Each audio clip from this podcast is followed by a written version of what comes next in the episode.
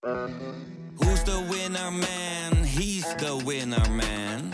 Is hij miljonair? Geen idee, maar nou en. Je hebt geen jackpot nodig to be a winner man. Oh oké, dat is wel lekker man. Deze podcast is 100% expertisevrij en alleen geschikt voor amusementsdoeleinden. De inhoud mag niet worden beschouwd als financieel advies. Dit is Jong Beleggen, de podcast. Ik ben Milou En ik ben Pim. en in deze aflevering hebben we het over koningen en aristocraten wat dividend betreft. Ja, de echte, de stabiele dividendgroeiers. Ja, precies. En over Just Eat Takeaway, want daar heb jij je positie in verhoogd. Ja, daar gaan we echt, eh, daar ga ik helemaal op los. Uitgebreide analyse, coming your way. Ehm, je hebt een boek gelezen, toch? Ja, Neem dat zit in, eh, in de verlengde van eigenlijk eh, dit onderwerp. En dan hebben we natuurlijk nog Jack Ma, die, eh, die verdwenen was, maar toch niet meer. Hij is terug. En jij wil ook nog even iets toevoegen aan de vorige aflevering. Ja, de, een aantal oplettende luisteraars heeft wat gedeeld. Oké, Eh, laten we daar dan mee beginnen. Ja?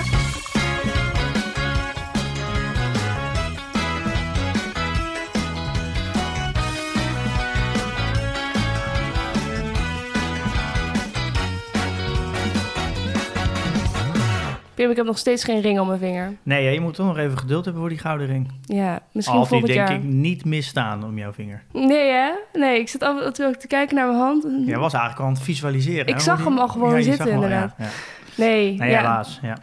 niet gewonnen, maar nou ja. Publieksprijs, hè, jongens. En eh, als we een juryprijs winnen, dan ga ik het pas echt ja, eh, waarderen. Ja, want dan gaat het om kwaliteit. hè. Dan gaat het om kwaliteit en niet om hoeveel bereik je hebt. Of is dit heel zuur? Ik ben een hele slechte verliezer. Excuus daarvoor.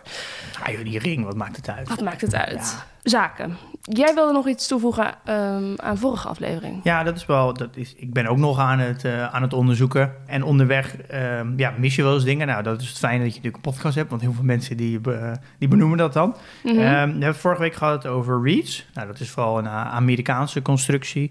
Eh, waar je belastingvoordeel uit, uit in ieder geval de organisatie dan. Er is dus in Nederland ook een, eh, ja, een soort van vergelijkbare vorm. Voor vastgoedbeleggingen. Ja, nou, het is niet specifiek voor vastgoedbelegging, maar we hebben dit wel eens eerder genoemd. Dat deed de FBI. Oh. Dat is een eh, fiscale beleggingsinstelling. En dat houdt eigenlijk in, als je die status hebt, dat je, je net als bij de REITs geen vennootschapbelasting hoeft te betalen. Je bent eigenlijk vrijgesteld daarvan. Eh, maar je hebt wel een minimale uitbetaling eh, van 75% van je winst. Dus dat is eigenlijk Ja. redelijk vergelijkbaar Ja. met REITs. Er zijn natuurlijk wel wat nuanceverschillen, echte details weet ik nog niet. Maar het is dus ook in Nederland. Ja, daardoor kan je er eigenlijk wel van uitgaan dat alle vastgoedfondsen in Nederland dit hebben. Waardoor je dus sowieso 75% wordt uitbetaald, een payout van 75%. Dus dat is- weet je eigenlijk ook gelijk waarom alle Nederlandse vastgoedfondsen ook zoveel uitkeren. Ja. Want ja, ze willen natuurlijk die voordelen pakken van geen belasting, maar dan Ja. moeten ze dus wel veel uitkeren. Maar als je natuurlijk nog heel veel kansen in de markt ziet, zullen ze iets minder uitkeren. Als ze minder kansen zien, dan zal het, zal het meer richting 100% gaan. Ja. Ehm, en dat er, ja, is wel eh, interessant om te weten, omdat de achterliggende gedachte achter, achter de fondsen. Ja. Misschien wel goed om aan toe te voegen. Februari, en hebben we een, eh, een hele bijzondere gast. Ja. Ehm, en dat is de CEO van Wereldhaven. Wereldhaven. Ja. Eh, en dat vind ik een, eh, ja, vind ik heel mooi, eh, mooi dat we dit voor elkaar gekregen. Hij is natuurlijk de CEO van een vastgoedfonds, Wereldhaven. Ja. Eh, die hebben we ook even genoemd vorige week. Mhm. Ehm, en het is niet de bedoeling dat we met hem in gesprek gaan over het bedrijf zelf. Oh. Maar ehm, ehm, inhoudelijk, maar we gaan het hebben over ja, hoe is het nou om een CEO te zijn? En hoe kijkt de CEO nou tegen aandeelhouders aan? Dus eigenlijk, hoe kijkt een CEO tegen ons als luisteraar aan? Ja. Dus het is een, eh, ja, weer, ik, ik vind het gewoon heel leuk omdat we met deze podcast constant een andere blik kunnen pakken op beleggen. Ja. Eh, en dat is iets wat ik in de toekomst vaker wil doen om eigenlijk het hele wereldje van beleggen, al die perspectieven zo langzaam eh, aan, aan bod te krijgen. ja, ik ben heel benieuwd. Maar eerst maar even het onderwerp van vandaag. Ja, We gaan het hebben over dividend kings en aristocrats. Heb je vorige week al gezegd. Ehm, ja, vertel, waarom moeten we het hierover hebben? Ehm, ja, misschien om eerst mee te beginnen, weet je wat het is? Nou, je hebt kort uitgelegd. Het zijn dus eh, ja, bedrijven die al hele lange tijd dividend uitkeren, structureel. En lange tijd, ja, dat is wel verschil in zitten of het een aristocraat of een koning is. Maar eh, ja, minimaal 25 of 50 jaar. Ja, ehm, dit is misschien een beetje laat nu, maar eh, dit zijn termen die je als je gaat beleggen heel veel tegenkomt. Waarom hebben wij het dan dan niet eerder over gehad? Ja, weet ik eigenlijk niet waarom ik het niet eerder... Het zijn eigenlijk de termen die ik een van de allereerste keren tegenkwam... als toen ik mijn dividendportfolio aan het samenstellen was. Ja. Je, hoe een bedrijf eigenlijk een beetje groeit. Het gaat heel hard groeien. Het versteekt al het geld in groei. Groei en op een gegeven moment... Volgens mij als eerder gehad heb je zo'n curve. En op een gegeven moment is een soort van de grootste groei gepakt. En dan komt eigenlijk het, de, het meeste geld binnen. Dan heb je een unieke positie. En dan ga je langzaam wat geld terugkeren naar de aandeelhouders. Ja, dus dan En- begin je dividend Ja, eh, dan, te en dan, en dan nou, die, zo vaak kunnen ze zo'n positie dan lang vasthouden. Ze keren maar een klein percentage, echt 20% van de winst uit. En die andere 80% kunnen ze nog blijven steken in de positie behouden. Misschien zelfs wat groeien. En zo langzaam bouw je door de jaren heen een steeds grotere... eh, je betaalt steeds meer dividend eigenlijk. Nou, Apple en Microsoft zijn eigenlijk hele mooie voorbeelden. Die zijn pas ongeveer acht jaar geleden begonnen, tien jaar geleden met dividend betalen. Mhm. En die betalen elk jaar een beetje meer.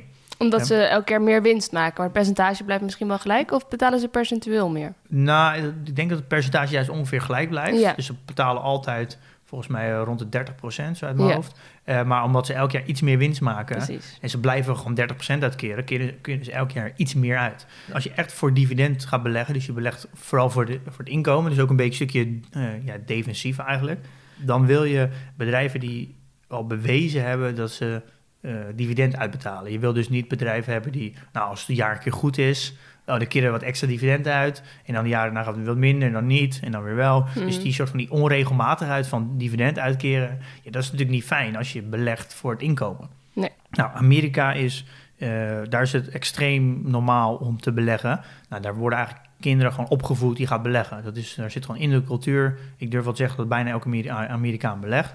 En daar heb je niet echt een collectief pensioen. Dus wat heel, heel veel mensen die Je gaan beleggen wel. Ja. in dividendbedrijven. Want Ja. dividendbedrijven eh keren dividend uit. En dividend is Inkomen. cash, inkomen. En dat kan je dus eh, gebruiken om van te leven. Precies. Maar omdat zo'n cultuur is in Amerika, gaan, ga je daar namen aan geven. Om, eh, omdat het een soort van status wordt natuurlijk. Met het idee hoe langer je dividend uitkeert, Mhm. Ja, hoe meer betrouwbaarder je bent. En dat moet natuurlijk gelabeld worden, want dat maakt het natuurlijk makkelijk. Ja. Eh, en daar zijn eigenlijk dividend kings en aristocrats en zo uit ontstaan. Maar dat misschien nog wel daaraan toe te voegen. Je hebt namelijk twee dingen. Je kan eh, 25 jaar dividend uitbetalen.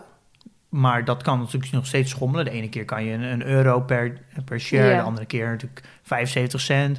Dat kan natuurlijk door, de, door die 25 jaar heen schommelen. Maar eh, waar dit over gaat, eh, al deze termen, dat zijn, gaat niet over dat je dividend hebt uitgekeerd. Mhm. Maar dat je dividend structureel verhoogd hebt. Dus meer per, eh, percentage? Of, eh, Nee, de percentage is natuurlijk afhankelijk van de koers. Ja. Maar de echte, de, het pure geld uitkeren. Dus voor elke share, eh, elk aandeel wat er is, wordt bijvoorbeeld 50 cent uitgekeerd. Mhm. En dan moet het jaar daarna wordt er minimaal dus 51 cent uitgekeerd. En het jaar daarna dus minimaal 52 cent. Ja. En dus dan zie je, dus er zit elk jaar dus een verhoging in. Dus als, Ja. per, als aandeelhouder krijg je per aandeel dus elk jaar een beetje meer uitgekeerd. ja.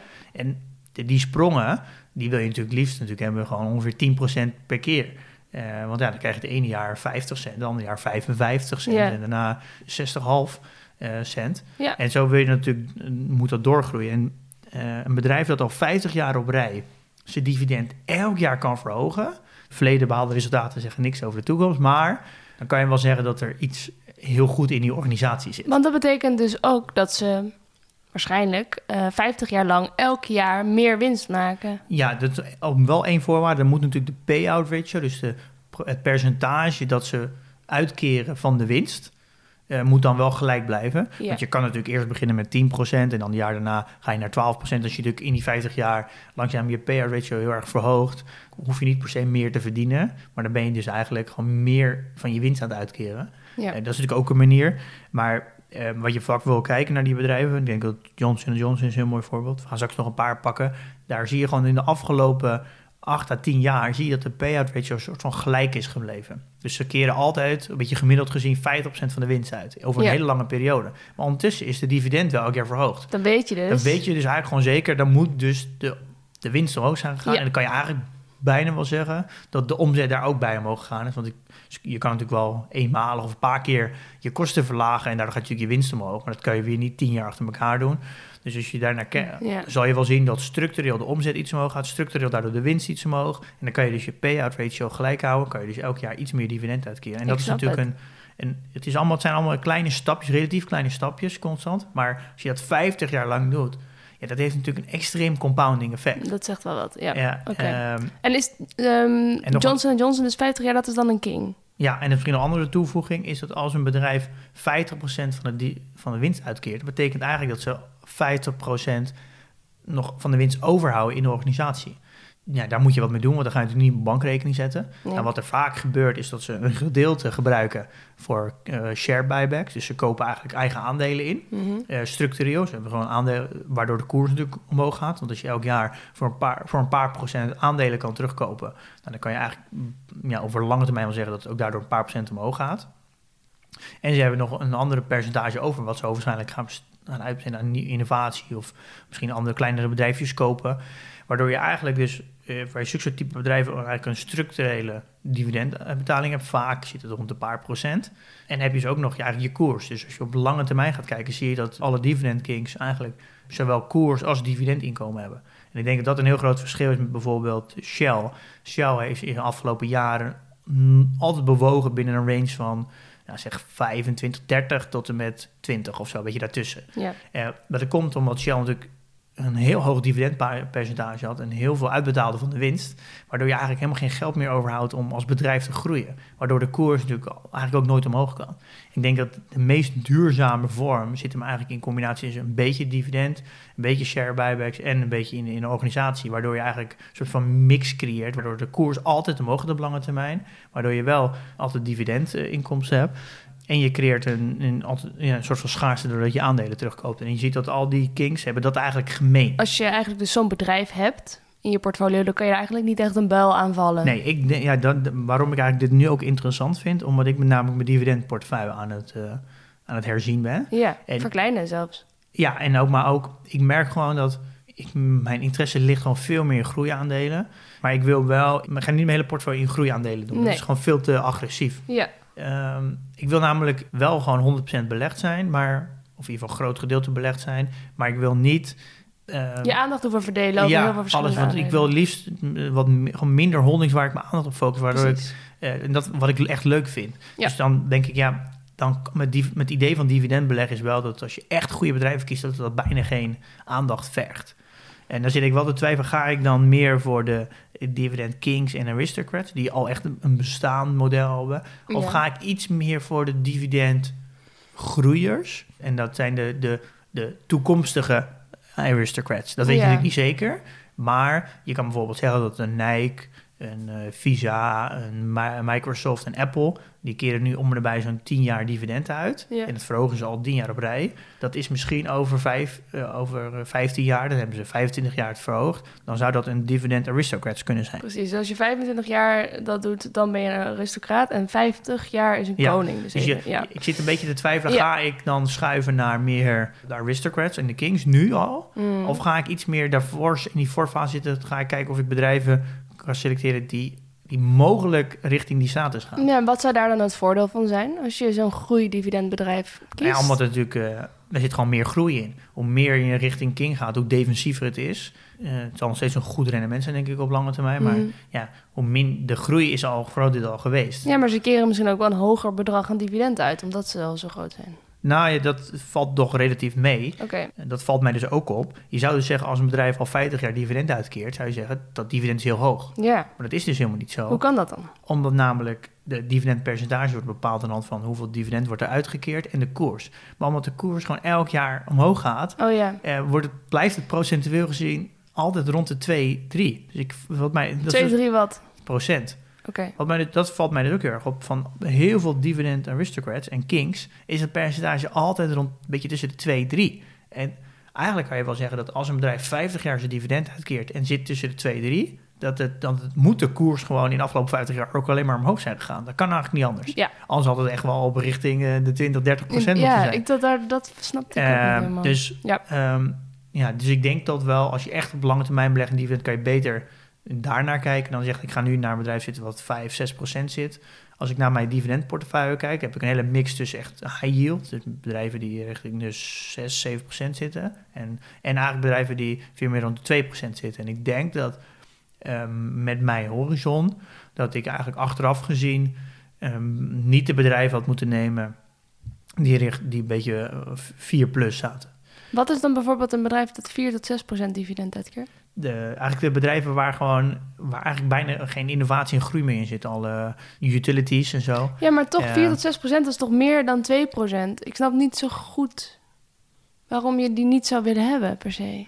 Ja, maar als, als een bedrijf, als je dus elk jaar winst maakt en je keert eigenlijk alles, bijna alles aan dividend uit, dan hou je in de organisatie bijna niks meer over. Ja, hoe kan je dan als organisatie nog groeien en innoveren? Dat is eigenlijk niet. Nee. Dus als, het dan, hoe- ja, als je niet kan innoveren en groeien, dan gaat de omzet ook niet omhoog. En als de omzet niet omhoog, gaat de winst niet omhoog. Nou, Ja. dan blijft het bedrijf eigenlijk heel erg stabiel. Eh, en dan heeft het ook, Ja. heeft ook geen reden om, om de koers te laten groeien. Want ja, waarom zou de koers dan groeien als, als er, ja, het bedrijf Ja. ook niet groeit? Ja, oké. dus jij wil meer op de dividendgroeibedrijven gaan ja, zitten. en dan in die groei kan je dus nog kiezen, ga ik dan veel meer voor de aristocrats en kings of ga ik veel meer, dat zijn termen die je ook heel veel ziet. We hebben dividend champions, dividend contenders en dividend challengers. Jeetje, het lijkt wel een eh, film, The Avengers of zo. Ja, nou, dit zijn termen die zijn vrij nieuw, maar wat het eigenlijk inhoudt, dat noemen ze ook wel de dividend C's, de- drie keer een C. Ja. En dat houdt eigenlijk in dat dividend challengers is een bedrijf dat één op volgende dividendverhoging heeft gedaan eh, tussen de vijf en de negen jaar. Dan hebben we daarna dividend contenders, dat zijn bedrijven die tussen de 10 en de 24 jaar. Mhm. En daarna hebben we dividend champions en dat zijn bedrijven die een dividend hebben verhoogd meer dan 25 jaar. Oké. En dan kan je zeggen, nou, meer dan 25 jaar is hetzelfde als aristocrats. Alleen is er geen groot verschil tussen eh, die drie die ik net noemde en kings en aristocrats, is dat dat alleen telt voor de S&P. Als je een lijst zoekt van dividend aristocrats en kings, krijg je dus alleen maar bedrijven die in de S&P zitten. Hm. En die andere drie die ik noemde, de, drie C's, dat zijn eigenlijk termen die onafhankelijk zijn en die dus over de hele economie gelden. Dus dat zijn, de, dan weet je een beetje de termen die je veel tegenkomt. Ja.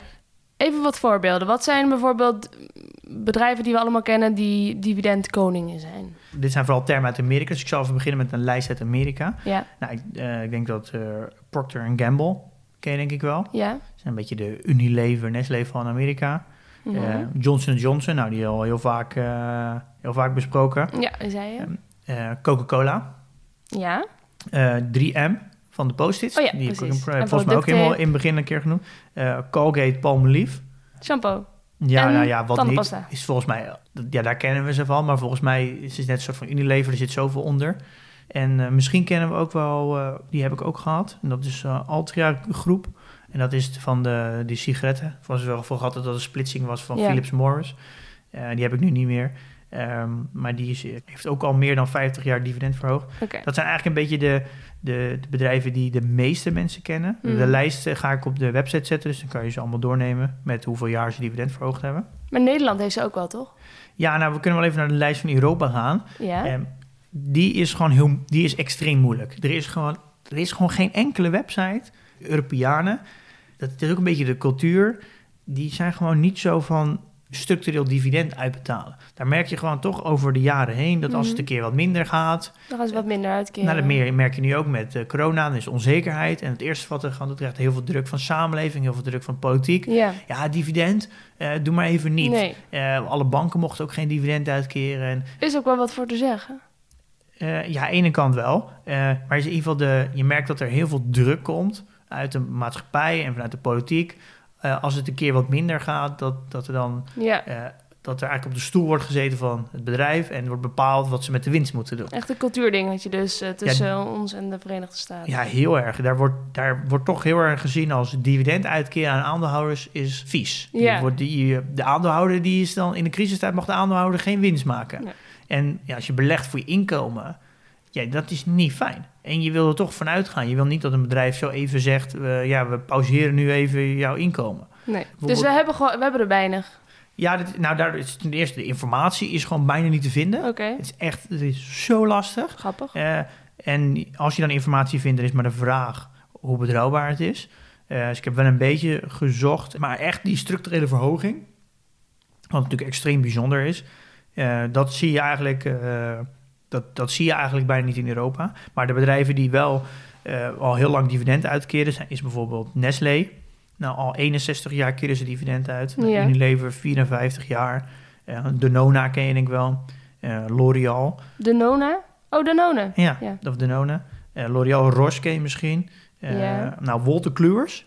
Eh, een Nederlands bedrijf waar we het heel al... ja, ja, ja. De uitgever? het saaiste bedrijf op de AX. Ja. Maar volgens mij echt structurele groei. Als je kijkt naar uh, Wolter Kluers, is het volgens mij echt één rechte lijn omhoog in de afgelopen 10, 15 jaar. Ik zie ook Lient ertussen staan. Nou ja, Lint, dat ken je denk ik wel. Chocola. Van de chocola. Ja. En nou ja, eh, eh, Philips eh, en DSM. Er, zijn natuurlijk, er zitten best wel veel Nederlandse bedrijven in die echt structureel dividend uitkeren. Dat kan geen toeval zijn. Nou ja, nou grappig dat je dat zegt. Eh, ik heb een, eh, een, eh, een boek eh, gelezen. Nou ja, Zoals, ja, ja, een van de 52 in ieder geval. Ja. En, en dat is wel leuk. Ik probeer af en toe even een boek te verwerken in, in de podcast. nou, en dat is een boek Je leeftijd als goudmijn. Dat is geschreven door Martin Winden. En dat is een, mm, Nederlands boek ook. Nederlands boek, ja. Ja. Is dit een aanrader? Leven is een goudmijn? Je leven? Je leeftijd is een Ehm, goudmijn. Ja, nou, dat is een beetje het boek. Dat merk ik wel, dat alle boeken die zijn geschreven... die zijn allemaal vanuit een perspectief geschreven. Dus die zijn een eigen filosofie. Ja, dat kan soms wel. Als je, al- dus moet je meerdere boeken lezen, denk ik... om een breder perspectief te zien. Mhm. Eh, maar wat, het, wat uh, Martien hierin schrijft, is dat hij belegt alleen maar in drie landen.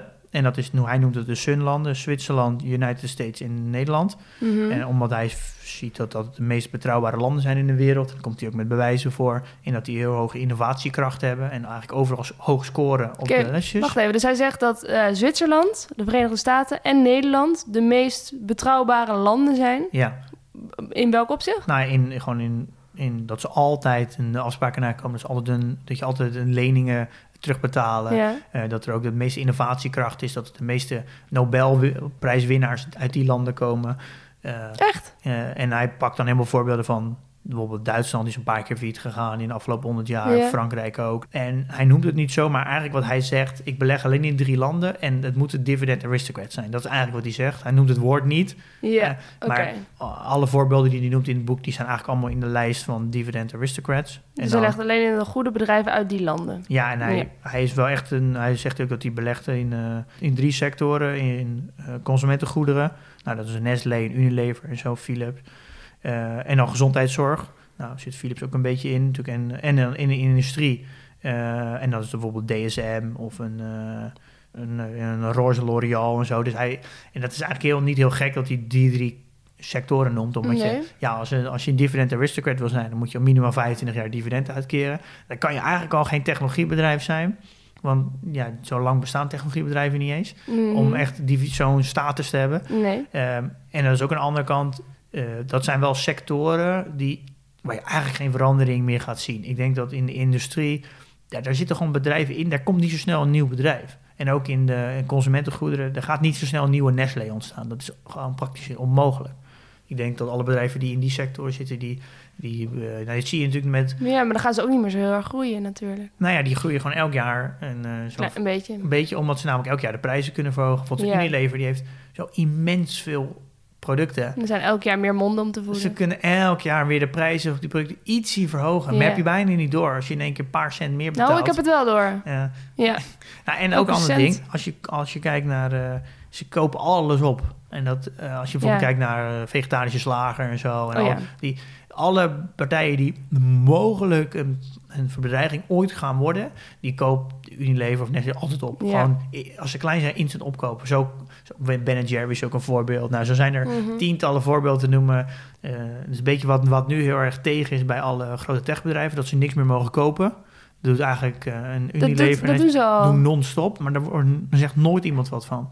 Ehm, Ja, daar maar zij bemoeien zich misschien ook ja, ja, ze zit, met- ja, ze zitten natuurlijk in een ideale zone, omdat ze Ja. namelijk helemaal niet meer politiek benoemen. Nee. Dus ze, ze liggen natuurlijk echt niet onder een vergrootglas. Ze zitten allemaal een beetje, eh, beetje eh, in de, aan de zijkant. Maar daardoor zijn het natuurlijk hele stabiele beleggingen. Ja, En ze doen het ook extreem goed in, eh, in crisistijd. Ja. oké. En waarom heet het boek dan Je leeftijd is een goudmijn? Ik, dit, hij schrijft eigenlijk, hij, hij verwoordt het allemaal niet zo. En het is helemaal verpakt in, een, in dat het voor startende beleggers is. Maar eigenlijk, wat hij zegt, ga beleggen in dividend aristocrats. Doe dat vanaf je geboorte tot je 65 en je bent miljonair. En dat is dan je pensioen. En ik, in de grote lijnen geloof ik dat ook wel, dat dat zo is. Ehm, het is hij verwoordt het allemaal anders dan hoe ik het zou verwoorden. Het is een hele defensieve vorm van beleggen. Maar als je dat heel lang volhoudt, dat ik denk best wel een eh, succesvolle vorm ook is. ja, als jij een keer iets wil verwoorden, dan moet je zelf maar een boek schrijven ook, hè Pim? Dat weet je. Nou, dat is misschien nog wel een idee. Dat is wel een idee, hè? Oké, nou, dat is over het boek. Kun je nog iets zeggen over hoe, hoe die bedrijven dan, wat, wat voor rendement daar aan Nou, kleeft? Dit is misschien wel het meest interessante stuk en het sluit ook eigenlijk aan bij, bij het boek. Er is een performance, berekening wel terugwerkende kracht natuurlijk. eh, en is eigenlijk een, de dividend kings vergeleken tussen 1993 en 2009. Is eigenlijk de, een portfolio met dividend aristocrats, eh, gelijk gebalanceerd allemaal, tegenover de Vanguard S&P 500 gedaan. Ja, En er is dus een, een eh, 26 jaar de performance bekeken. En wat me heel erg opvalt, en dit is precies waar al die beleggingswijsheden die ook voor waarschuwen. In die 26 jaar is het 21 keer omhoog gegaan, de koers. Boven nul geëindigd. En van bijna alle keren heeft de S&P het beter gedaan dan de dividend kings. Maar, er zit een maar. Oh, Van de eh, vijf keer dat het in de min is gegaan, is de S&P echt goed de min in gegaan. Rond 2000 ja. is het echt hard gegaan, de, de bubbel, Ja, eh, internetbubbel. En natuurlijk in 2008, 2009 is het flink naar beneden gegaan. En je ziet dat de dividend kings eigenlijk maar heel, of niet de min ingaan, zelfs nog een beetje plusje scoren in die jaren. ja. Of een klein beetje de min maar ingaan. Oh, ik zie nu dat, ehm, dat grafiekje wat je daarover Ja, hebt en dat- gezet. en- Die zet je op de site, hè? Ja, dat staat op de site. Maar Ja. daardoor heeft dus over de 26 jaar heeft het dus een gemiddeld rendement van 13% per jaar, de dividend kings. Ja. En de S&P 9,8. En Aha, dat is dus winnen toch de koningen. Ja, echt, echt met, nou, met een gigantisch veel, 4% Ja. per jaar. Dat is echt heel veel. Op, een, op deze berekening hebben ze 10.000 dollar belegd. En dat is dus over 26 jaar is het met Dividend Kings 272 geworden. 1000. En bij de S&P 123. Dus de, de, die 4% per jaar basis heeft ervoor gezorgd dat, het, dat je dubbel zoveel hebt met Dividend Kings. En wat het meest opvallende hieraan is, is dat het eh, beste jaar is, alle, is om en bij 40% voor beide. Dus dat is ongeveer gelijk gebleven in het beste jaar. Maar de worst year, daar is die min 13 voor de Kings en min 37% voor S&P. En dat is in het jaar 2008-9 gebeurd. Ja. Wat mij eigenlijk daar zegt, is dat, dat, is natuurlijk, dat zegt natuurlijk Warren Buffett, regel nummer 1, verlies geen geld. Mhm. Regel nummer 2, vergeet de regel nummer 1 niet. Ja. En dat is wat ik ook heel vaak las. En dit, is, maakt het, dit laat het zo heel mooi zien. Je, je, je kan het nog steeds bijna elk jaar beter doen. Maar als er een jaar tussen zit waar je gewoon 50% naar beneden gaat... Ja. dan ga je over een periode van 26 jaar dus gewoon niet goed maken. Dit is ook de reden waarom beleggen, defensief beleggen... waarom ze eigenlijk zeggen defensief beleggen... heeft uiteindelijk op lange termijn een hoger rendement... dan als je alleen maar in groeiaandelen gaat zitten. Maar dat is namelijk extreem moeilijk. Want moet je dus accepteren kan dus zomaar zijn dat je dus stuk van 10 jaar achter elkaar het slechter doet dan de markt, Ja. dan de S&P. En ja, ga dat emotioneel maar eens aan. Eh, en dan merk je nu al dat, nu groeiaandelen gaan super hard. Dus ik krijg ook heel vaak berichtjes van ja, groeiaandelen is hard. Waarom ga je niet alles in groei doen? Ja. Eh, dit is wel weer een bewijs dat je, dus, en dat zeggen ze ook, je moet nooit zomaar strategie wijzigen. nee. Is dat toch wel op, op lange termijn doen defensievere aandelen toch altijd beter dan Ja. groeiaandelen. Eh, omdat namelijk als je, de, als je feiten naar beneden gaat, moet je dus 100% performen daarna om weer gelijk te komen. Ja. Nou, dat is echt gigantisch. Ja. Dus Dus, je, je- moet gewoon niet al te gierig zijn en vasthouden in je strategie. Dit is echt wel even een dikke plus voor wat defensiever beleggen. Ja. En dat is nog een ander ding, dat vind ik ook een hele mooie, dat is de Sharp ratio. En dat is iets wat ik ook in de toekomst wil verwerken in de PDT. Mhm. En dat geeft eigenlijk aan je verhouding tussen je risico en je rendement. En dat houdt eigenlijk in, ze pakken een, een, eh, hier is een berekening waar ze de risicovrije rendement, dus bijvoorbeeld op een spaarrekening krijg je een rendement, of in een AA-obligatie krijg je een bepaald rendement. En dat zetten ze af tegen hoeveel rendement ga jij maken. En dan kijken ze hoeveel risico heb jij gelopen om dat rendement te halen. Ja. En dat is natuurlijk een. eh, want de rendement en risico gaan samen. En je wil die Sharp ratio het liefst boven 1 hebben. Want dat hoe hoger, hoe beter. Ja. En wat je natuurlijk eigenlijk wil doen met je portefeuille. Bijvoorbeeld in dit geval zie je dus de dividend kings hebben een Sharp ratio van 0,88. En de, S&P heeft een Sharp ratio van 5,6. Dus dat betekent dat, de S, dat je met de S&P meer risico hebt gelopen. Maar je hebt ook eens minder rendement. En nou, dat is dus iets waar ik... Heel veel mensen strooien altijd met rendementen. ja. Eh, eh, dat zie je ook heel veel YouTubers en zo. Maar je, Ja. niemand vertelt hoeveel risico's ze daar nou voor genomen hebben. En Dat is iets wat, wat, wat mij vaak heel erg irriteert. En dat is Ja. ook de reden waarom ik die openheid geef. En dat wil ik dus ook in de tool verwerken. Want ik vind dat een heel belangrijk als be- beginnende belegger.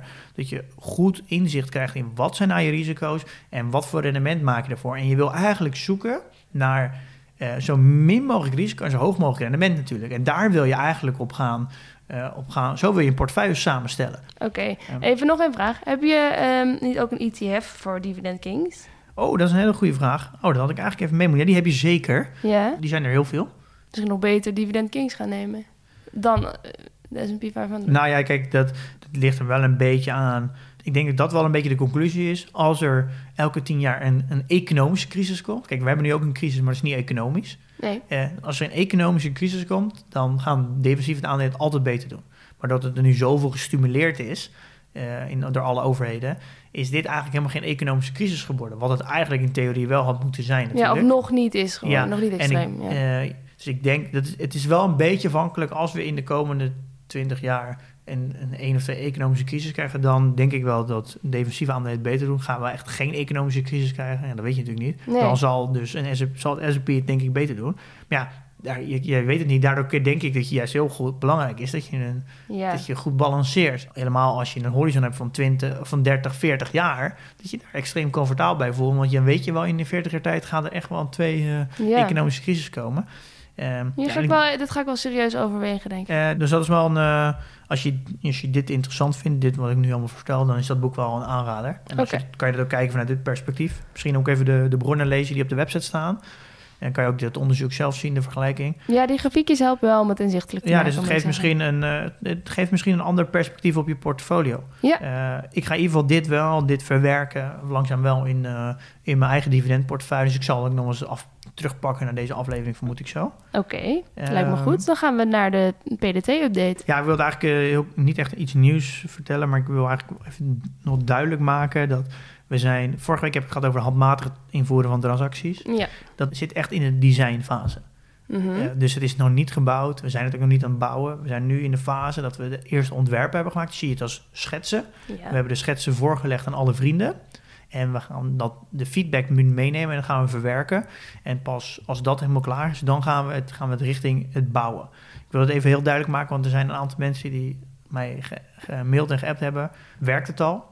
Eh, Antwoord is nee. of ik kan niet vinden in de tool. Ja. Het is er nog niet. Ja, Dat wil ik even duidelijk maken, dat er geen verwarring over is. nee, dat lijkt me belangrijk. En ik laat natuurlijk in de podcast weten Wanneer het zover is. wanneer we beginnen met bouwen en wanneer het af is.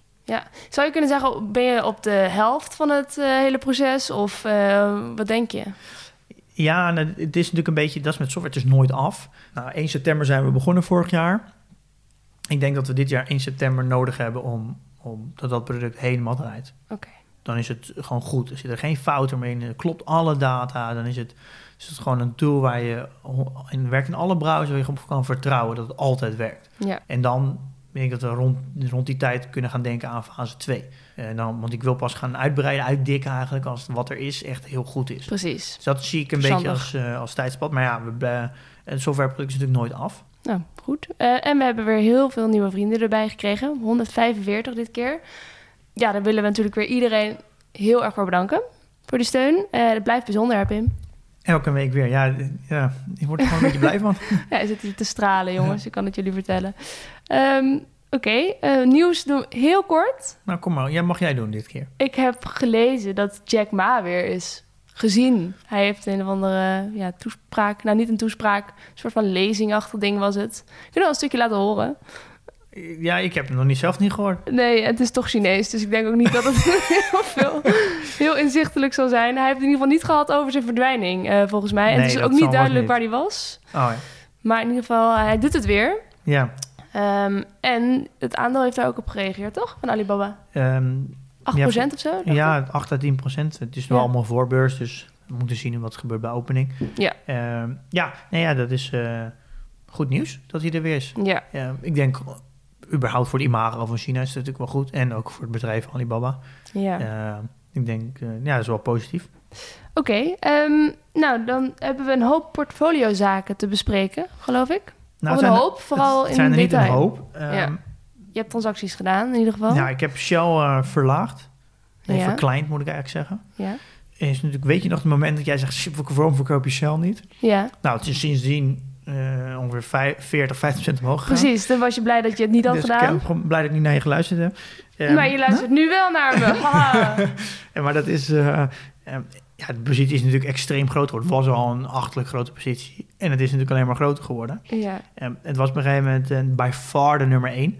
En ik heb het nu verlaagd met 33 procent. Dus je hebt een beetje afgeroomd. Ja. Zo heet dat dan toch? Ja, mooi gezegd. Ja. Ja, trots op je. maar Ik ben drie- echt een belegger. 33% verlaagd. En het is nog steeds een van mijn grootste holdings. Ja. Ja, ik wil gewoon... Shell kan niet mijn grootste holding zijn in hoe ik naar de wereld kijk. Uh, Nou, dat kan gewoon niet. Ik voel me daar niet comfortabel mee. Dus ik kan je nu al vertellen, die positie gaat... Er gaat nog een keer een, eh, een eh, flinke schaar doorheen. Mhm. Ehm, nou, verder wil ik er eigenlijk niet zoveel woorden aan vuil maken. Oké, dan doen we dat Ehm, niet. Waar nou. heb je het geld ingestopt? Mooi bruggetje. Ja. Ehm, in Just Eat Takeaway. En ik ben eigenlijk die positie al... Eigenlijk al afgelopen maand eigenlijk aan het opbouwen. ja, ik heb het in de gaten. Ehm, en niet zo'n beetje ook. Eh, ik denk dat ik nu zo op 8% zit van mijn portefeuille. En ik ga dit echt wel doorbouwen naar 10.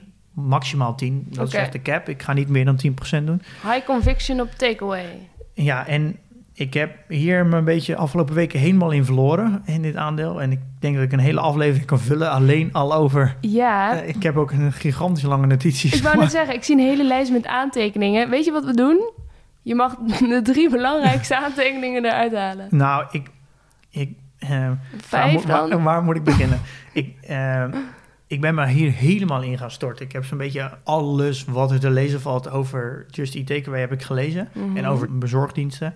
En het voordeel is dat, er ook heel, dat het ook in Londen zit. En in Londen is nu de strijd bezig tussen Deliveroo en Uber Eats. Dus er zijn ook heel veel Engelsen die eh, analyses doen nu. En dat is natuurlijk heel interessant. eh, want het is natuurlijk content wat ik kan lezen in het Engels. Ja, Dus ik heb ook een hele mooie gevonden. Het heet van New Moon Capital. En die maakt een. Ik heb ook op de website. Die moet je eigenlijk als aandeelhouder moet je dat even lezen. Eh, recent is het natuurlijk flink gezakt. Door na de earnings die we vorige week hadden, is het aandeel echt flink gezakt. Nou, even een stapje terug misschien. Just Eat Takeaway heeft altijd het gevecht uitgevochten in Nederland. Nou, dat hebben ze gewonnen. En daar zijn de, de marges richting 50% gegaan. Toen hebben ze de, zijn ze naar Duitsland eh, gegaan en ook gaan vechten. Mhm. Nou, dat is een heel lange strijd geweest met Delivery Hero. Daar hebben ze het eigenlijk gewonnen. Daar zit ook, gaan de marges ook richting 50%. Dus het is in de, in de vrij dichte thuismarkt. Heeft het is Just Eat het altijd supergoed gedaan. Echt, maar ook echt hoge Ja. hebt 50% marge op ja, deze dienst is echt extreem hoog. En toen zijn ze dus langzaam naar heel veel andere landen gegaan. Dus Polen en al die allemaal onliggende landen. En daar, omdat daar helemaal nog geen partij was, zijn ze daar ingedoken. Ze hebben dus eh, toch wel zo'n, denk ik, zo'n 10, 12 nummer 1 posities zo hier in Europa. Een beetje vanaf Nederland tot aan een beetje het oosten van Europa. Ja. Eh, maar die marges zijn extreem hoog. Waardoor eigenlijk voor heel veel beleggers was Just Eat eigenlijk voorbij de groeifase gegaan. En dat heel veel, zijn denk ik heel veel defensieve beleggers ingegaan. Andere type beleggers, die zijn, hé, maar eh, het wordt een kwaliteitsbelegging. Zulke hoge marges, 50% marge. Dit is een belegging waar ik wil inzitten. Dit Ja. is een kassa. Ja. Ehm, en ik denk dat er een hele nieuwe stroom beleggers in Just Eat is gekomen aan de hand van de positie die ze hebben verworven. En nu zitten ze in Engeland. Daar hadden ze zes, hebben ze 60% van de markt. En daar is Deliveroo en Uber Eats nu echt als een gek die positie aan het veroveren. Oké. En want Deliveroo is de thuisbasis is, Engeland. is Engeland. Ja. En Takeaway, dus thuisbezorgd, heeft Just Eat overgenomen een Ja. tijd geleden. En dat is een Engelse, Precies. Engels. En daardoor hebben ze 60% van de markt. Ja. Maar die zijn nu vol in de aanval gegaan. Dus Dus daar wat is flink wat concurrentie opeens. Ja, en nog steeds ze hebben, is het ongeveer 20-20 voor Uber Eats en Deliveroo en 60 voor eh, Takeaway. Ja. Eh, eigenlijk moet ik gewoon constant Jet zeggen. Maar wat er dus nu gebeurd is, Jitse Groen heeft gezegd... we gaan alle winsten van Nederland en Duitsland pompen in die Engelse markt. We gaan ervoor zorgen dat die 60%, dat dat nooit minder wordt dan 60% in Engeland. Dus ze gaan eh, vol de strijd. Dat wordt echt een soort van game is on. En daardoor gaan in één keer de marges als een hele organisatie natuurlijk extreem naar beneden. En daardoor waren de cijfers extreem goed. Echt eh, richting eh van 50% groei. Nou, Als je 50% omzetgroei doet in een jaar, dat is echt gigantisch. En de koers beweegt gewoon letterlijk nul eigenlijk. Dat Ja. is natuurlijk eigenlijk, denk je, dat kan niet. Eh, maar de, mijn idee is nu dat er zitten dus heel veel beleggers in Just Eat, die, die zijn erin gegaan. Een soort van, hé, de groeifase is over. We gaan het als meer kwaliteitsbedrijf zien, als een meer ja, een stabiel bedrijf. Ja. En nu eh, zegt Jitse Groen eigenlijk, we we gaan alle winsten die we hadden, want het bedrijf maakt een flinke winst, die gaan we er eigenlijk gewoon vol in, de, we gaan weer de oorlog aan eigenlijk. Ja. Eh, waardoor het eigenlijk weer een groeibedrijf wordt. Precies. Was het eigenlijk altijd al, want Jitse Groen heeft gezegd... wij hebben altijd gezegd, we gaan voor gro- marktgroei en niet voor winst. ja. Eh, en ik denk dat er dus afgelopen tijd heel veel van die beleggers uit zijn gestapt. Daardoor is de koers gedaald. Eh, want die hebben ook een ritje omhoog gemaakt. Dus Omdat denk, nou, ze dachten, hey, het wordt weer een groeibedrijf, Ja, dus denk gaan we eruit. ja, ik denk dat heel veel beleggers hebben gedacht... misschien ook wel grote fondsen... die zeggen, nou, dit is gewoon niet het type bedrijf... Nee, eh, wat wij willen in, onze portefeuille. En het had ook net een ritje omhoog gemaakt. Dus ik denk dat, nou, ongeveer 20% Ik denk heel veel mensen ook van winst te pakken. En ik denk, nou, dit, dit bedrijf wordt nu iets te risicovol. Ik stap eruit. Dus dat verklaart waarom die koers niet eh, dit is, is, is, is mijn theorie, Ja, hè? theorie. Maar als ik dan kijk, is dat die New Moon Capital, die, eh, wat ik net noemde, daar, die moet je eigenlijk even lezen. En hij geeft eigenlijk aan, hij beschrijft alle strategieën uit in Engeland, van in Londen, van wat gaat er gebeuren als Justy dit doet, als Justy dat doet. Gaat hij alle scenario's uitschrijven, wat voor effect het heeft op Deliveroo Uber Eats. En hij Ja. beschrijft al- bijna alle scenario's die je kan bedenken. En hij kom- komt er gewoon uit dat Just Eat altijd gaat winnen. Gaat winnen. Dus, en wat er dus nu gaat gebeuren, is dat eh, Just Eat, die gaat dus alle winsten pompen in de bezorger eigenlijk. En ze gaan nul delivery fee leveren, waardoor je eigenlijk eh, als consument, of je nou... wie- Ja. eh, je betaalt gewoon geen bezorgkosten, gewoon nul. Ja. En daardoor gaan ze eigenlijk de... Proberen ze eigenlijk de Deliveroo uit de markt te prijzen. en Uber Eat. nou, dat kan. Dat en maar, ze, maar het voordeel is. Uber Eat en Deliveroo kunnen dat helemaal niet vinden vanuit hun kaststroom. Maar omdat Jet natuurlijk zoveel marge draait in Nederland en Duitsland en wat andere landen, kunnen ze eigenlijk gewoon een markt kopen met de winsten van andere landen. Waardoor ze uiteindelijk, als ze die markt in Engeland winnen, kunnen ze dat gewoon opvoeren in dezelfde marges in Nederland. Ja. En dus dat is eigenlijk een ding. Hier zit ze groen al 21 jaar mee bezig. Hij heeft elk land waar hij nu zit, heeft hij bewezen dat hij dit wint. En ik zie geen reden waarom hij dat in Engeland niet gaat winnen. Nou, die Moon Capital moet je maar even lezen. ja. En dan is er nog een ander ding. Just Eat Takeaway is extreem laag gewaardeerd. Als je vergelijkt met ehm DoorDash uit Amerika. Als je vergelijkt met Delivery Hero, dat is de, de Duitse, maar dat is, dus daar zit Proces weer erg in voor 22%. ja. Maar die zit dus in alle markten waar Just Eat niet zit. Het is eigenlijk competitie, maar ze delen namelijk niet de markten.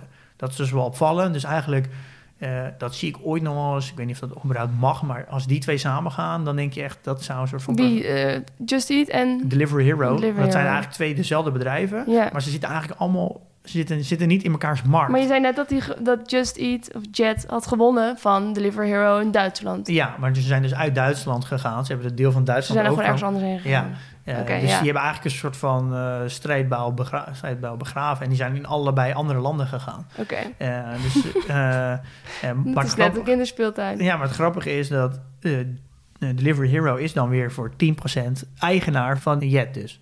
Nou Ja. Eh, omdat natuurlijk die strijd is uitgevochten in Duitsland. En daardoor heeft eh, Delivery Hero eigenlijk een stukje van... eh, Just Eh, Eat Takeaway gekregen. ja, omdat ze namelijk een Duitse deel hebben afgestaan. Eh. En Proces is weer eigenaar van voor 22% van Delivery Hero. Ja. Dus ik zit in Proces en in Jet. Dus eigenlijk zit ik best wel geconcentreerd in die eh food delivery nu. Ja. Ehm, maar over die waarderingen. ja, dat zei je vorige keer ook al. Het zo laag gewaardeerd. Ja, maar de ehm, Delivery Hero die heeft ongeveer dezelfde omzetgroei gemaakt. Ja. Eh, maar die is dit jaar, met, in een jaar tijd, zoals afgelopen jaar, Ja. 94% meer waard geworden. Koersstijging. Mhm. Waardoor eigenlijk Delivery Hero ongeveer eigenlijk dubbel zoveel waard is nu als Just Eat Takeaway. Maar ze presenteren ongeveer dezelfde omzetgroei. Waardoor je eigenlijk snapt, hoe kan nou een bedrijf wat in Duitsland genoteerd is, in de DAX, een soort van bijna een kopie zijn van elkaar, maar qua koers gewoon extreem groot verschil. Er zit geen beweging Nou, in. heeft dat dan te maken met wat je net zei? Dat er de soort beleggers die erin Nou, is dat- gestapt en die er weer uit Dat willen? denk ik. Ja. Eh, en dan heb je DoorDash, nou dat is in Amerika. Nou, dat gaat helemaal door het plafond. Eh, uiteindelijk gaat, wel, gaat de ah, koers gewoon richting de waardering. Dat geloof ik gewoon in. En ik denk, zie gewoon dat er nog heel veel upside is voor, voor Just Eat. Helemaal als je het vergelijkt met concurrenten. Ook als je het vergelijkt met wat voor marge die pakt in Nederland en Duitsland. Ik wed gewoon op Litse Groen. Ik denk echt dat, ik denk dat je hier bijna fout aan kan doen. Eh, en dan hebben we nog één onzeker ding. En dat is Grubhub in Amerika. Dat is natuurlijk iedereen zegt, ja, waarom moet je dit nou kopen? En ja, ik snap het wel. Als je, de, als je uiteindelijk de grootste speler in de wereld wil worden, dan moet je een, Moet een je af en toe wat opslokken. ja, dan moet je een positie in Amerika hebben. Dat kan niet Ja. anders. Je kan niet een soort van de hele wereld hebben behalve Amerika. Want Nee. dan doe je er eigenlijk niet toe. Ik denk als we nog een paar jaar verder gaan, zijn er nog maar een paar spelers over en alles is opgekocht. Je moet dus nu kopen. Want als je nu niet koopt, dan is er niks meer te koop straks. Precies. Eh, dus ik snap dat ze Grab, Grubhub gekocht hebben, want er, dat is eigenlijk de enige partij die je nog kon kopen in Amerika. wil niet zeggen dat het een goede keuze is, dat gaan we natuurlijk nog zien. Maar ik denk Hij wel, had geen keus, zeg ik denk dat hij met zijn ambities, wat hij, waar hij echt altijd heel duidelijk over is, waar is dit de enige keuze die hij had kunnen maken. Ja, Deze fusie gaat afgerond worden in halverwege het jaar.